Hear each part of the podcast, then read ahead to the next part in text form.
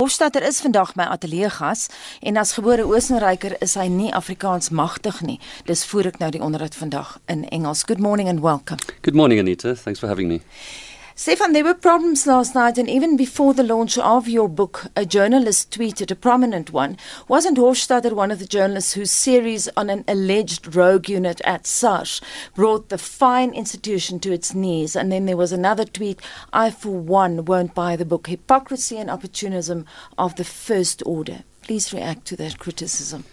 Yeah, look, the thing is, uh, I was a member of quite a large team of journalists four years ago who worked on a series of stories on on SARS, and the stories turned out to be problematic. And we published an apology for getting some things wrong. There were bona fide errors. Uh, there was never any malicious intent, and uh, you know the criticism that they were used and exploited by you know the looters to attack important institutions like the Treasury is absolutely right. They were used for that purpose by some people, and that certainly was never the intention. And I'm obviously very sorry that this had to happen. And really, what the whole experience taught me was some valuable lessons in, you know, improving my own journalism. And I really hope that if people read this book, they can read it on their own merits and and see that those those lessons have been implemented. I mean, most the most important one is really to spend as much time as you need when you're dealing with extremely contentious stories to drill down into evidence and also to provide the proper context when there's contested stories and also if there are gaps in your own knowledge hmm. to be transparent about those gaps in your own knowledge and all of those things I've really tried to implement ever since and I've implemented in this book and this book I feel uh, stands on its own merits, and I really hope people can uh, read it and decide for themselves whether they think it's it's it's uh, worthwhile work or not. Well, I've certainly read the book. Let's look at the introduction. You start off, Stephen, by uh, Stephan, to say by this is not an easy story to tell. The looters put a lot of effort into creating an elaborate smokescreen to cover their tracks. This was mostly done by shrouding scientific or financial complexities in technical jargon. Not an easy book to write. Yeah, I mean, again, there were very, everyone had a different version. You could see that in the parliamentary testimony uh, people were presenting diametrically opposed versions of reality. You know, one person said he was at a meeting uh, with, or she was at a meeting with Salim Essa. Uh, the person who was supposed to be there denied being there. So things were incredibly contested, and there's a, there's a high level of complexity when it comes to you know a a uh, you know, a, a, company like Eskom, which which is, you know, there's a, there's a lot of engineering knowledge that's that's involved, and you, you have players such as Matshela Koko, who's very, um, you know. Schooled in that, uh, he's he's spent decades as an engineer. So there's there's a, there's a lot of scope for for trying to flood you with, with jargon to to mislead you and talk about being flooded. I quote from your book, page 192. Thuli Madonsela's letter landed on Molefe's desk, informing him that she was investigating Zuma Gupta related allegations. Molefe employed a trick that I've been subjected to many times over the years. He tried to drown Madonsela in paper. A month later, she received 38 files. You have similar stories to tell? Yeah, my, my, my favorite story like that was, was investigating the toll road with my colleagues at, at the Sunday Times. And we spent a lot of time interacting with Nazir Alli, the former CEO of, of, of. And, you know, he would take a long time to get back to us via email, and then he would get back and promise to give us all sorts of co- cooperation. And then we'd arrive at his office, and he'd give us 20 files and he'd say, you know, uh, sorry, we're closing in about an hour. You're not allowed to leave the building, but, you know, please go ahead. And we'd get through, you know, a quarter of it. And then we'd, come, we'd be given the opportunity to come back on the Monday, and then it would be 110 files. Uh, again, you know, you've got an hour. Sorry, you know, we we're closing. That's all you have, and you can't you can't leave. And really, there was one document I still remember, and it was a it was a comparative uh, costing of, of various companies producing you know services for the t- for for various toll roads. And and that document we kept on hunting for. And eventually, I said, "Can we just have this one document?" And he said, "Well, I've given you access to everything." And really, I, I can't say he deliberately withheld it, but it was for me just a, a ploy, which often happens where you know you flood people with information um, in the hope that they get lost in it and drown in it. As jy pas by ons uh, aangesluit het, ek praat ver oggend met die joernalis Stefan Hofstadter wat gisteraan sy boek License to Loot in Johannesburg bekend gestel het te midde van oproer en betogings waaroor ons nou gepraat het. Maar um, in sy boek fokus hy ook baie op Brian Molefe. Ek voer ook die onderhoud met hom in Engels want uh, Stefan is nie Afrikaans magtig nie. You do write about Molefe and I want to quote you. He occupies pride of place in the Looters Gallery. He launched Transnet's ambitious locomotive fleet renewal program based on questionable calculations at Eskom. He squeezed Glencore's Optimum mine out of business so that it could be bought by the Guptas for a song. Even his exit from Eskom was undignified as he tried to persuade several courts that he was entitled to 30 billion, uh, 30 million. Yet, these were not your initial impressions, and I quote once again from the book.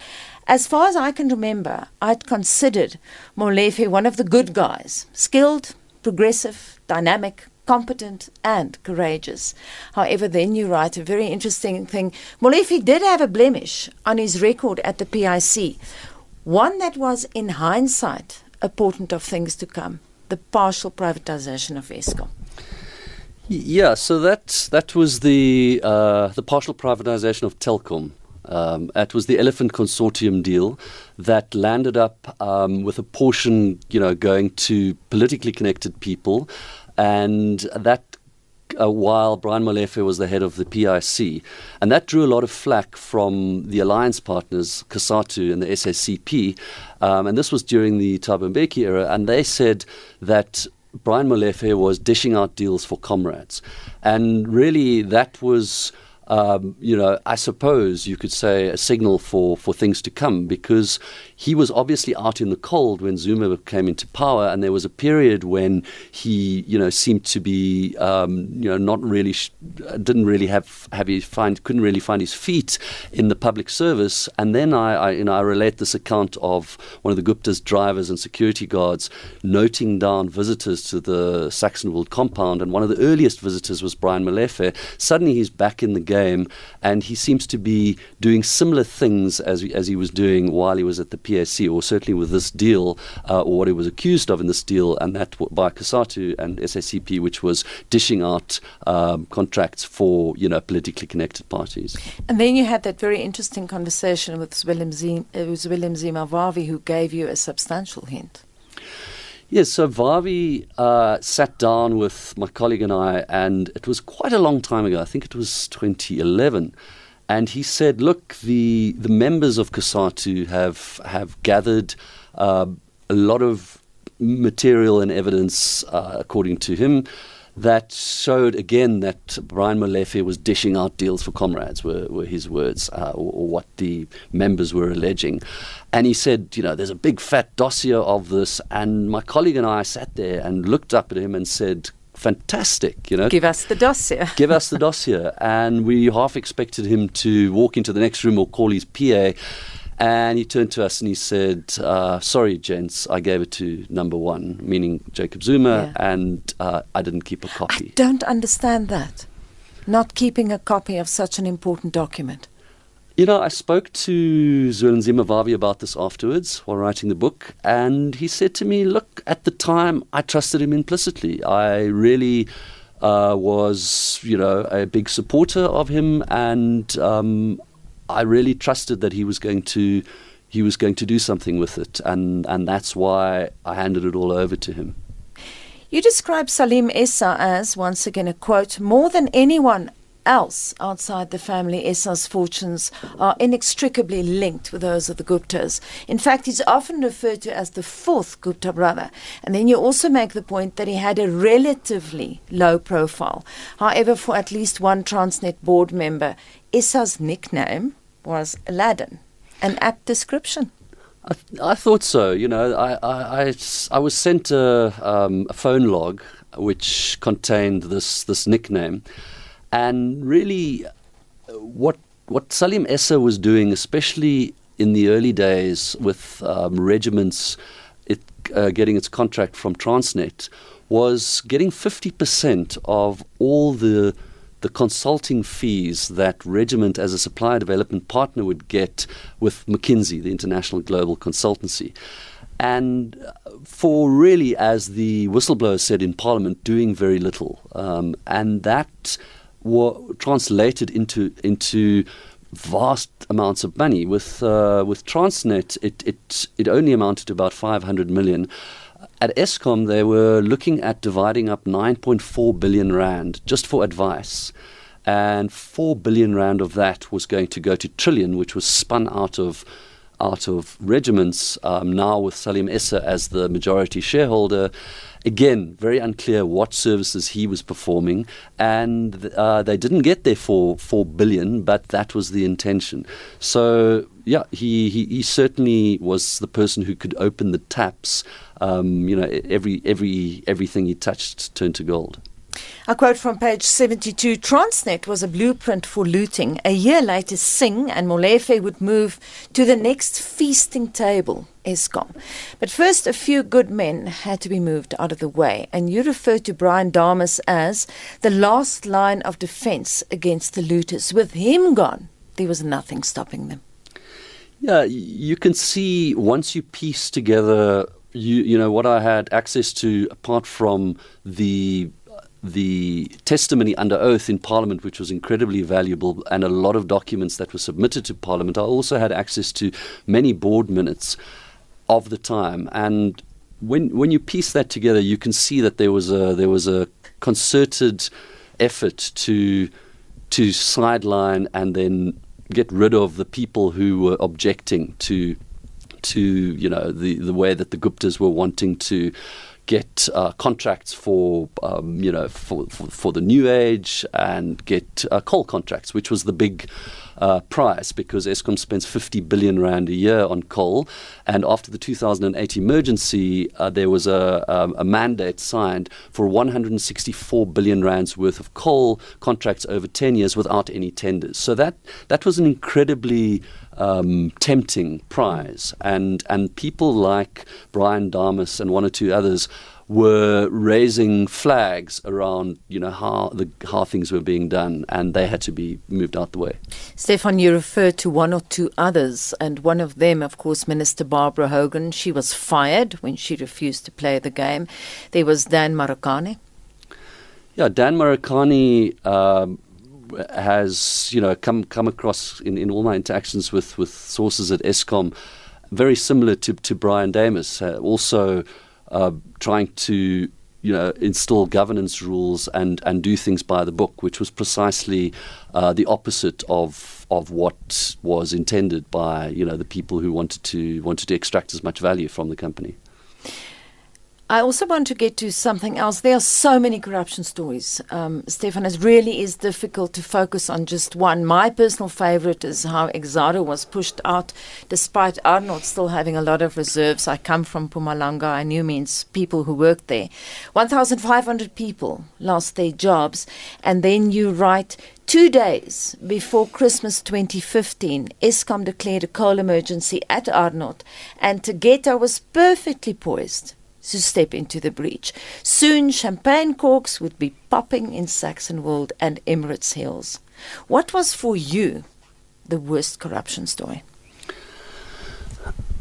I think probably the worst corruption story was actually happening at Transnet, and that was the model that was that that the, the Guptas and their their deployees, if you like, were seeking to replicate in in Eskom, and they almost got it right, but they didn't. So all these con- contracts amounted to quite a large amount of money, and it was absolutely tragic the way that they resulted in massive job losses, like the Exxaro case. But at Transnet, actually, uh, the the documentation that became available through the Gupta leaks showed that kickbacks, suspected kickbacks of 5.3 billion rand were earmarked for various uh, network of front companies, uh, mostly in Dubai and Hong Kong, for one uh, for one particular company, China South Rail, and there was evidence to show that, that in other contracts, um, in, uh, with the locomotive contracts, there, that there was a 20% increase in price. Now, there wasn't hard evidence like with China South Rail, as with China South Rail, of, of kickbacks and those money flows. But the suggestion is there that perhaps there were also kickbacks. So, um, and and again, there was this, there was evidence of several billion being paid over, and this was for doing absolutely nothing. This was simply a a sort of a, a facilitation fee. It was called in, in the one contract for Salim Essa uh, in his for his company Tequesta in in Hong Kong. Um, so, so really, when it comes to the amounts of money involved, it was the Transnet deals that had the biggest amounts of money. But when you look at the actual impact on you know people's livelihoods, on um, the impact on you know the risk to the economy, I think that Eskom takes the cake there because what happened was there was a time when Eskom could have saved 90 billion rand simply by investing in the tied mines, like the Exxaro case. Instead, it did everything to avoid investing in those tied mines and to dishing out those those non uh, tender contracts to to other parties, including the Guptas, at a much higher price, and that you know, ended up costing the economy a lot more.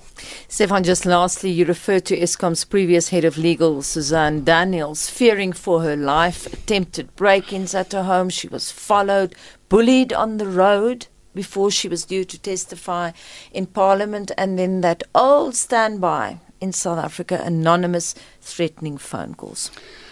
Yeah, there, there's a very dark underbelly at Eskom. Brian Molefe brought various people in uh, to to to run the security division.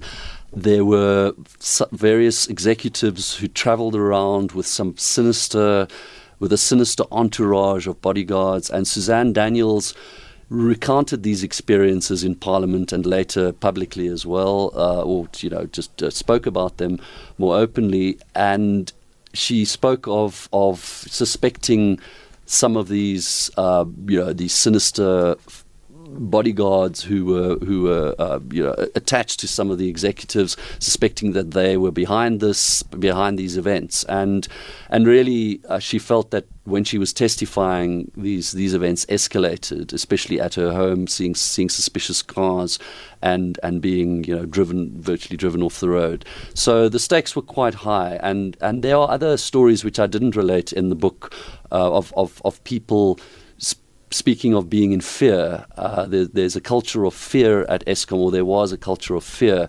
Uh, because uh, people, you know, were very worried they were going to lose a lot of money if, if they were exposed. So whistleblowers lived um, uh, in fear, um, you know, per- perhaps even of their lives, but certainly of being intimidated. Aan die woord vanoggend joernalis Stefan Hofstadter wat sy boek License to Loot gisterand bekend gestel het. Stefan, thank you very much to coming uh, for, especially for coming into the studio to speak to Monitor. Thank you Anita. Thanks for having me.